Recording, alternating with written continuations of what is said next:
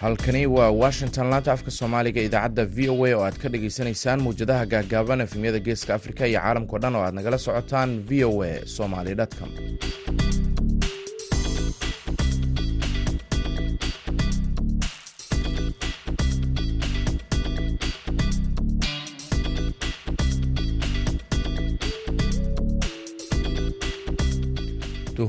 wanaagsan. Dhegaystayaal waa maalin isniin ah. Bisha oktoobarna waa labo sanadka labada kun iyo saddex iyo labaatanka. Afrikada bari saacadda waxay tilmaamaysaa kooda iyo barka duhurnimo. Idaacadda duhurnimo ee v o a waxaa idinla socodsiinaya anigoo ah maxamed bashiir cabdiraxmaan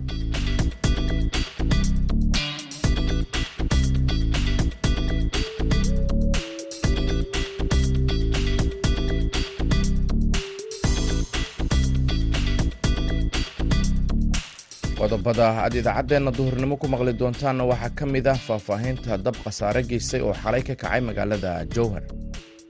marka dabkaas wuxuu ka kacay meeshaas waxaana hadda aan anigu isleenahay ama ka kacay dadkii macnaha wax lagu isticmaalayay ayaan isleenahay laakiin ilaahay mahadi waxaa dabka markuu bilowday isla markii waxaa gurmad ballaaran sameeyey shacabkii oo isku duuban weliba inay saacaddu ay tahay sak oo laba iyo toban jaawisnimo ay tahay waxaad kaloo maqli doontaan allaha u naxariistee taariikh nololeedka abwaan bashiir xadi oo shalay lagu aasay magaalada buurama iyo qodobo kale balse waxaa ka horeynaya intaasi oo dhan warkii caalamka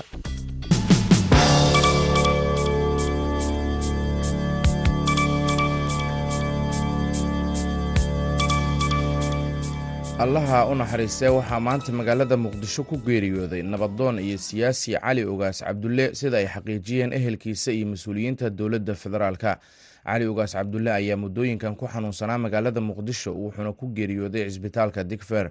allah u naxariiste cali ogaas cabdulle ayaa sidoo kale horey u soo noqday duqa magaalada muqdisho intii u dhexeysay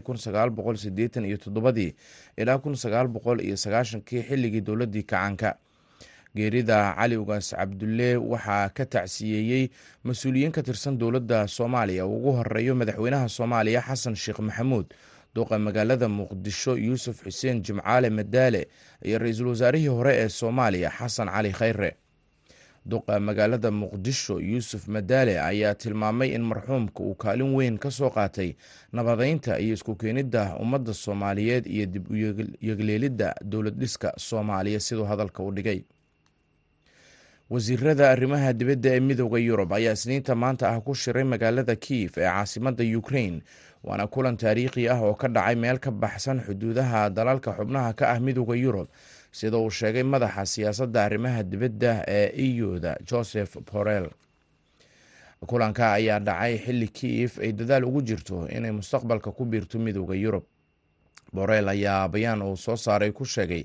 uguna yeeray ukrain musharax u taagan ka mid noqoshada midooda yurub iyo xubin ka tirsan eu mustaqbalka. Sida uu hadalka u dhigay wuxuuna intaa raaciyey in shirkan ay ku qabteen magaalada kiyef uu ujeedku yahay inay taageero ugu muujiyaan shacabka ukrain ukrain ayaa si weyn u soo dhoweysay shirka wasiirada arrimaha dibadda ee midooda yurub ay ku qabanayaan dalkeeda. Wasiirka arrimaha dibadda ee ukrain dimitri koleba ayaa waxa uu isagoo ag taagan joseph borel waxa uu sheegay in taariikh ay tahay in shirkii ugu horreeyey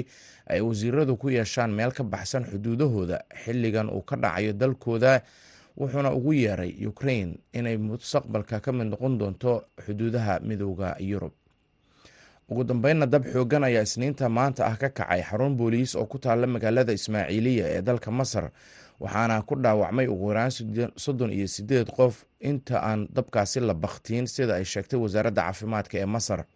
Ma jirto wax dhimasho ah oo ilaa hadda la soo wariyey laakiin dhismaha ayaa waxaa buuxay ciidamo booliis ah markii uu dabku kacay ka hor waa berigii. Markii ay dhismaha gaareen gawaaridii ugu horreysay ee ah kuwa gurmadka deg dega ah ayaa la sheegay in dabku uu wada qabsaday. Gebi ahaanba dhismaha agaasinka amniga ee magaalada ismaaciiliya dabka ayaa ka kacay dhismahan oo laba dabaq ah. Waa dhowr dabaq ah iyadoo gebi ahaanba ay dhismahaasi qariyeen daruuro qiiq ah ka hor inta aan dabkaasi la bakhtiin warkii dunidana dhegeystayaal waa naga intaa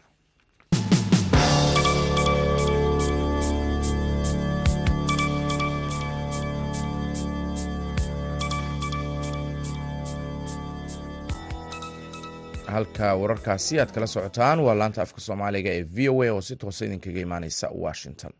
Duhur wanaagsan mar kale. Aynu ku horeyne magaalada jowhar ee xarunta maamulka hirshabelle. Waxaa xalay ka kacay dab khasaare geystay kaasi oo ka bilowday xarun foorno ah oo lagu farsameeyo xalwada buskudka iyo waxyaabaha kale ee macmacaanka ah dabka ayaa markii dambe ku fiday meelo kale kaasi oo khasaarahana sii badiyey. Jamaal axmed cismaan ayaa ka wareystay xaaladda wararkii ugu dambeysay ee dabkaasi iyo khasaaraha uu geystayba gudoomiyaha xaafadda hantiwadaag ee magaalada jowhar cismaan xuseen cumar cusmaan gaab oo gudoomiye ka ah goobtii uu dabku ka kacay. Waa mahadsan tahay jamaal v o a dabka xali kacay? Wuxuu ahay meel oo foorna oo lagu sameeya waxyaaba macmacaanka sida xalwada buskudka iyo waxyaaba noocaas waa foorno weyn oo reer joorku aada u yaqaanaan. Xaafada oo ka kacayna xaafadda waxaa la yihahda hantiwadaag waa suuqa ugu weyn ee macnaha la dhihi karo magaala madaxda gobolka shabeellaha dhexe magaala madaxiisa hirshabelle waxaan kaa rabaa marka jowhar marka dabkaas wuxuu ka kacay meeshaas waxaana hadda anu anigu isleenahay ama ka kacay dadkii macnaha wax lagu isticmaalayay ayaan isleenahay laakiin ilaahi mahadi waxaa dabka markuu bilowday isla markii waxaa gurmad ballaaran sameeyey shacabkii oo isku duuban. Weliba iday saacaddu ay tahay sak dhexe oo laba iyo tobanki habeenimo ay tahay ayuu dabkaas kacay mid aad iyo aadaan loo maamulka anagu markaan tegayno dadkii oo isku duuban oo sii shaqeynaan ugu tagnaba dabdamisyada markaan geynayno meesha. Waa tahay. Marka sakdi dhexe hadduu kacay dabka goormaa lagu guulaystay in la damiyo oo gebi ahaanba dabka uu istaago? Dabku waa aad iyo aad u baaxad weynaa. Dabka xoog ayuu lahaa. Waktigaas haddana dabaylada waa socdeen oo waktiga waa xiliyada kala guura oo dabayshu aad iyo aad ay uxoogan tahay. Laakiin shacabku waxay ku guulatay inay ka badbaadiyaan guryihii u dhawaay oo dhinacyada ka jiray oo suuqa ahaay inay ka badbaadiyaan dadkii ay sii go'aansadeen ilahina ku guuleeyey iyo macal maamulka oo isla jiro oo booyadihii keenay oo degdemisyadii keenay macal maamulka anagoo saas u dhex taagan ee shacabkayna la qaybsanayno laakiin shacabkaaba aad iyo aad aad iyo aad u hamuun qabay inay waxaas ka badbaadiyaan oo suuquna ku sii fida maadaama suuqu oo ka kacay ayaan hore dab kale oo suuq dhan loo baabiyo oo dad masaakiin ay ku hanti beeleen marka meeqa saxa la damiyey dabka dabka niyo ilaa iyo saddexdii waa soo gaaray ilaa iyo saddexdii waa soo gaaray oo habeennimo ama sagaal saacid ba khasaaraha uu geystay maxay nooga sheegi karaysaa dabka baaxadda leh intaa la eg ee ka kacay xali jowhar waa ku mahadsan tahay dabka meeshaas ka kacay niyo horta khasaare nafeed moogiyo inta kale khasaare hant- burbur hantiyeed u geystay oo guriga meeshaas ku yimi oo ay deganaayeen dad masaakiina ay ku shaqaysanayeen dad kaloo masaakiin ku jira oo shaqaalaha weliba muruqmaala oo foorna waa taqaanaa foornooyin macmacaanta lagu sameeyo shaqaalo badanaa ka xoogsada oo ka biisha dadkooda. Marka dadkaasa maanta dhamaan ka jooga oo waa ka macnaha biil la'aan oo meeshaas waa ka xirantay. Guriga oo dhanna waa baabacay laakiin khasaare nafeed ma jiro saasaan u fahmay khasa- khasaare nafeed ma jiro laakiin burbur hantideedaa jiro waa tahay dabka waxa kiciyey ma dab caadi ba mise waxyaabo kale ayaa loo nisbeynayaa oo dabkaasi sababay niyow anagu hadda dadkaan waa iska taqaanaa waa iska waa marka adigu meeshaas foornadaas eeday foornana waa taqaanaa dabkeeda inuu noolaa ee waxa meeshaas oo qalad ka yimid inkastoo qadar rabi ay eeday qaladka waxaan saarinaynaa badana meelaha uu dadka ka kaca horta waxay u badan yihiin maqaaxeedaha iyo meelaha buushashka iyo hadda sida foorna hadda fo- anigu aan usutaa foorna oo dab uu ka kaco. Waa foornadaasa nooga hor leh. Laakiin badanaa dababka meelahay ka kici karaan waa dareemi kartaa. Waa meelaha dabka laga shago waa tahay. Eh, waxaa ka dhawaajisay in dabkan ka horreeyey uu ka kacay suuqa jowhar ee dabeeqadii bishii hore ee agost isagu dabkaasi maxaa isaguna sababay? Hadda dab kale ayaa kacay maxaa qorshe ah oo la doonayaa in laga hortago inay dhacdo musiibo noocan oo kale ah. Waa ku mahadsan tahay niyow horta masiibadan waa meelo badan ay kada dhacdaa oo hadda waxaa ka dhow guuriya mahama soomaaliya kaligeed hadda soomaaliya hadda xataa lama dhigi karo waa gooni oo caalamka dhan ay ka dhacaan oo waddamada horumaray. Ee xataa diyaaradaha debdemiska ka samaystay ayuu ka kacaa marka noloshu ka mid yahay dabka horta noloshu ka mid yahay laakiin ilaahayna ummadda ha ka qabto. Anigu hadda ma dhigi karno marka waxaasaan la eebsado ma dhigi karno. Waxa anaga hadda aan ku dadaali karno macnaha ummadda inaan wacyi gelino oo aan yiraahdo wax noocay noocyadaas hala sameeyo buushashka suuqyada ha kora ha laga bixiyo macnaha ama la ogaado wax noocaasaan samayn karnaa. Maa in hadda wax noo waan dhihi karno. Waxaas u sababsa sababto colaad ma jirto oo laba reera meel iska gudbin lamale oo dhibaato kale ma jirto colaa macnaha eh, dacwooyin kaloo hadda jiri kara ma jiraan laakiin waa musiibo iska kacda marmar waay meel walbayna ka kacdaa maxaa caqabada oo ka dhasha marka aad dooneysaan in dabka la damiyo oo dab noocan oo kale uu dhaco tusaale ahaan kii xale oo kale wax caqabada oo aad la kulanteen in dabka lagu damiyo oo aad dooneysaan in aad ummadda kala hadashaan ama aad dooneysaan inaad wax ka qabataan ma jiraan aad iyo aad maanta waan kula waxaan jirnaa xaafadii aan wadaad waxaan ku jirnaa jidfad xali oo kooga waxaa na qabsaday waxaan ku wareernay wadooyinkii laga geli lahaayey ayaa gurigaas gubanaya. Wadadii laga geli lahaaya xali baan ku wareernay oo dabdamiskii dabdamiskii maamulka u keenay magaaladii yaallo ayaa haddana wuxuu ku dhiftoonaa in gurigii hantida baaba-eysay uu gaaro. Sababta hadda fiir gurigan laamiga waxa u jiraa saddex boos. Saddex boos intuu dhaafo guriga qoraxsin baabuurka dabdamisin ku dhaafeen oo qoraxsin ka soo galay. Marka waa khasaaro weyn dadka rajoorka waa yaqaanaan guriga meesha ku yaal iyo xali dabdamis meesha ku yimid. Waxaan rabaa markaan oo fursaddan ka faa'iidaysanayo in dadku oo maanta labaanta shaqada dhan wadno. Hadda kula hadlayo waddooyinka hala furo waddooyinka hala furo macnaha si badana baaba-ayso. Hadda dabkan dadka ka horreeya boqol iyo labaatan iyo dhow goobood oo ganacsi waa fahmi kartaa inta qoys ee meeshaas wax ka biilin karta marka. Oo kan jiro hal maqribka ayagoo tageen oo xoolahaysay ka tageen subaxina ayagoo macnaha oo cayray yimaadeen marka waa horta iska qadar waxaan rabaa marka dhibkaas badankiisana waxaa dhaliyo. Jidadka badanaa xiran ee ay u xirtaan dadku qofka gurigiisa intuu dhisto ayuu hore aadaya markaas hore wuxuu gadoona war meeshaan qabriga laga gelaya midaada kale guri qurux badan inta dhisto oo horena soo goyna gaari qurux badan oo soo gadana qofki waayo intuu mari rabaa marka gurigiisa intuu gaari asiga intuu dhisto kala dil looga dhiso gaarigaas quruxda badan leh ee diinka iska dhowr iyo labaatan kulo dollar joog meel marsiyaadhu ka helayo marka waxaan ku baaqayaa dadku ha furaana waddooyinka sida haddaan u shaqaynayna ha noola shaqeeyno hana noo dulqaataan qaarkood sidaa soo gaarayo meelaha istumaayo dhaqaalay keliyeen dhaqaalahaas laakiin kastoo marka hore ahay dhaqaale ay dadka ku dhibaataynaayeen haddana waxaan rabnaa ma loo dulqaato qof walba inta ugu soo aadan jidka gurigiisa intuu la ekaa ku ekaadaan leen kaasina waxa uu ahaa guddoomiyaha xaafadda hanti wadaag ee magaalada jowhar cismaan xuseen cumar cismaan gaab oo u waramayay jamaal axmed cismaan markana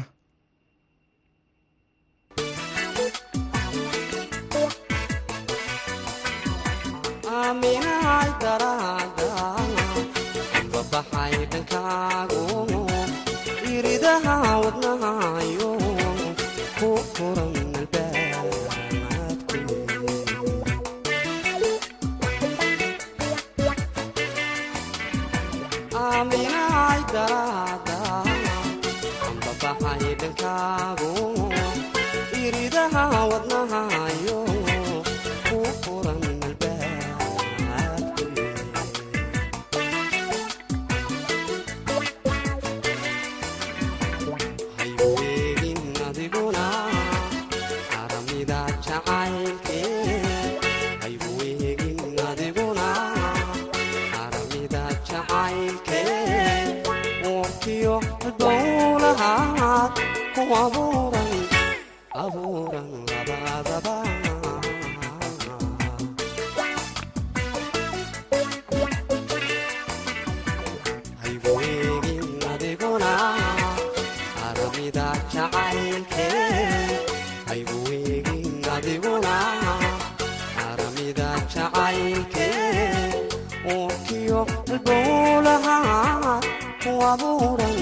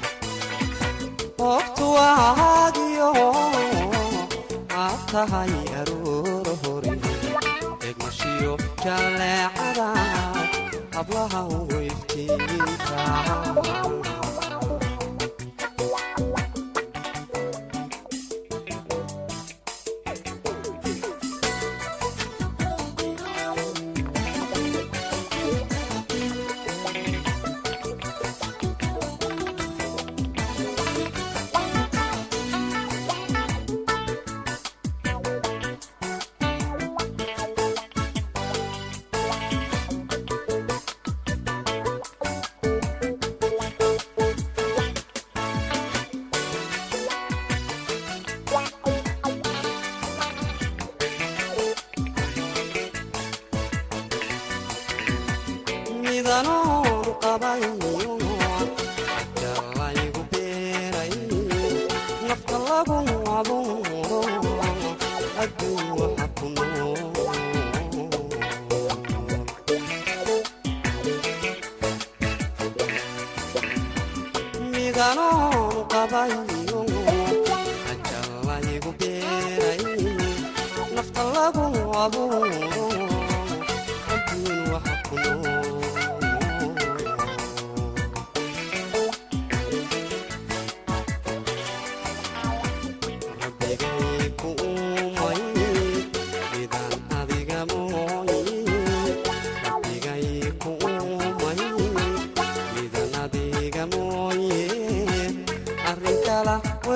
wadaagana dhibka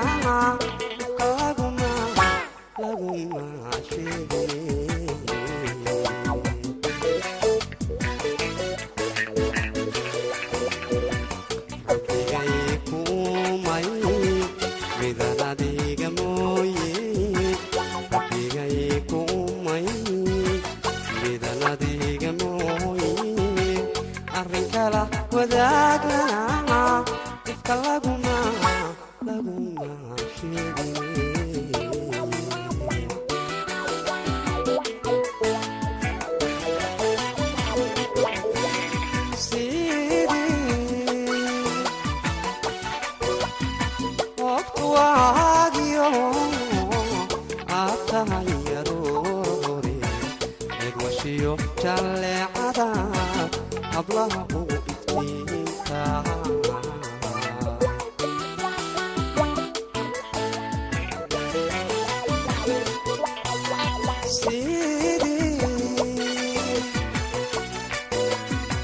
waqtu waagiyo aad tahay aroore eegmashiyo jalleecada hablaha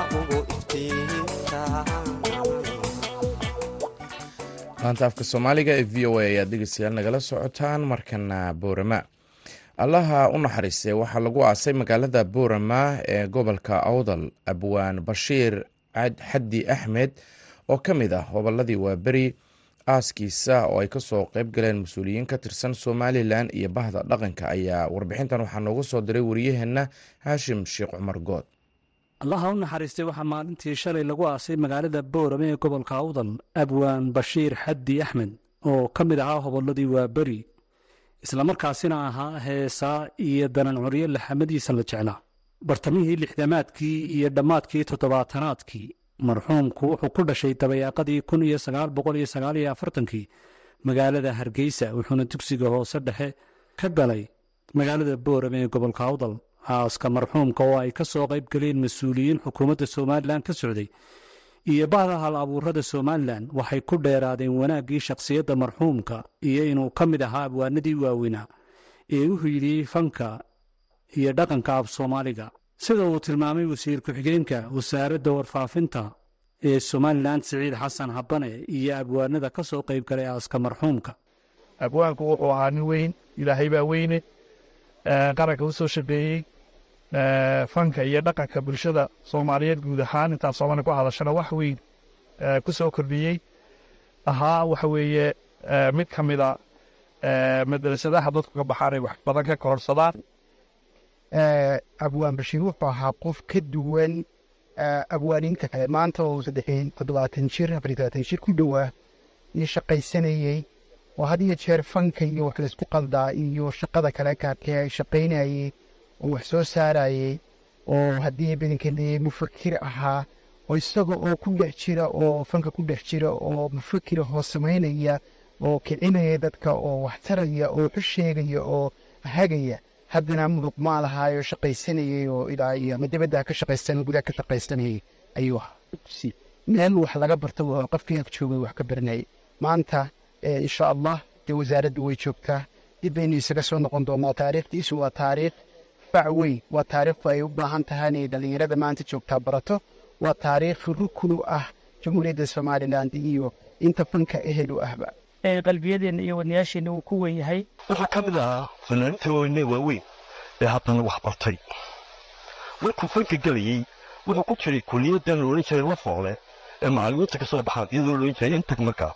oo macallimiinta dugsiyada hoose dhexa ay ku jiraan wuxuu ka doorbiday inuu leexdo fanka in lagu hiiliyo afkiisa laakiin intaan bashiir qaatay wuxuu ahaa nin dhaqanka iyo fanka isku milay fankiisu wuxuu ahaa mid dhaqanka soomaalida ku salaysan wuxuu ahaa nin dhaqan fiican oo aabba odaya oona kala maslaxa intuu gobolka joogay abwaan bashiir xaddi axmed wuxuu fanka ka tegey wixii ka dambeeyey kun iyo sagaal boqol iyo siddeed iyo toddobaatankii oo uu dhoofay dalka sacuudi carabiya isagoo ka shaqayn jiray shirkad dhismaha ah oo degganayd magaalada maka almukarama ee boqortooyada sacuudi carabiya wuxuuna dalka ku soo noqday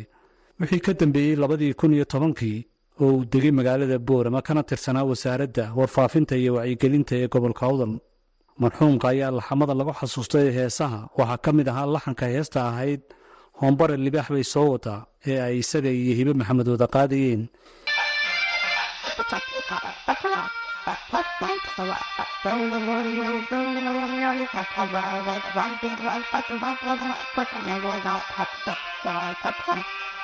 Moroni vapri, so da time kuna netido, kuna beda. Moroni vapri, so da time kuna netido,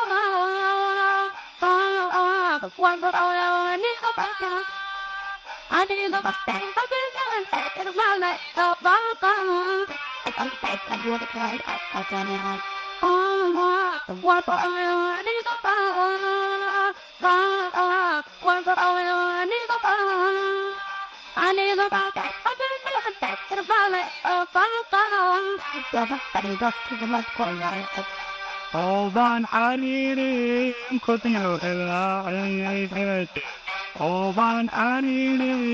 kudyo ela ayaydet.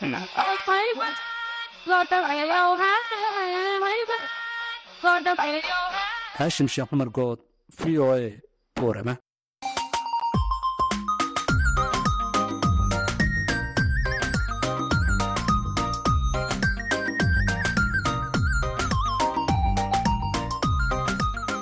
bandhiga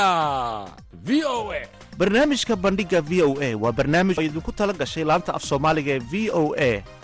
Bandhigga v o a waxaad khamiis walba kaga bogan kartaa qormooyin kala duwan oo la xidhiidha taariikhda iyo aqoonta guud dhaqaalaha sharciga iyo samafalka.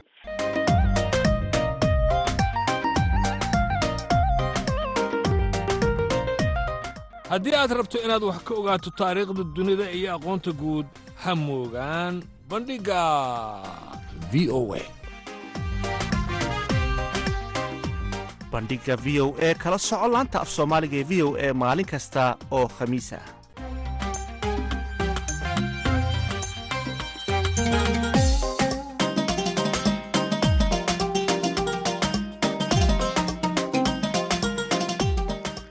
laanta afka soomaaliga ee v o a ayaad dhegeystayaal nagala soconaysaan. Mar kale duhur wanaagsan ayaan hawada idinka leenahay. Markana dhegeystayaal mar kale ayaan ku laabanaynaa dhinaca heesaha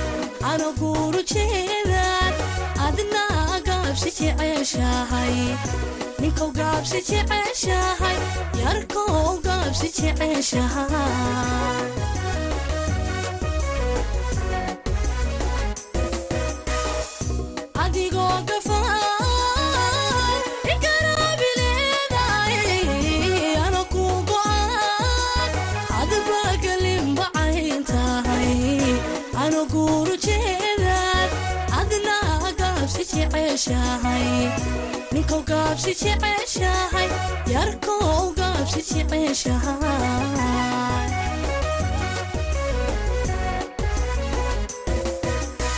ceeshahaygen uteelada haygalaafano haygen uteelada haygalaafano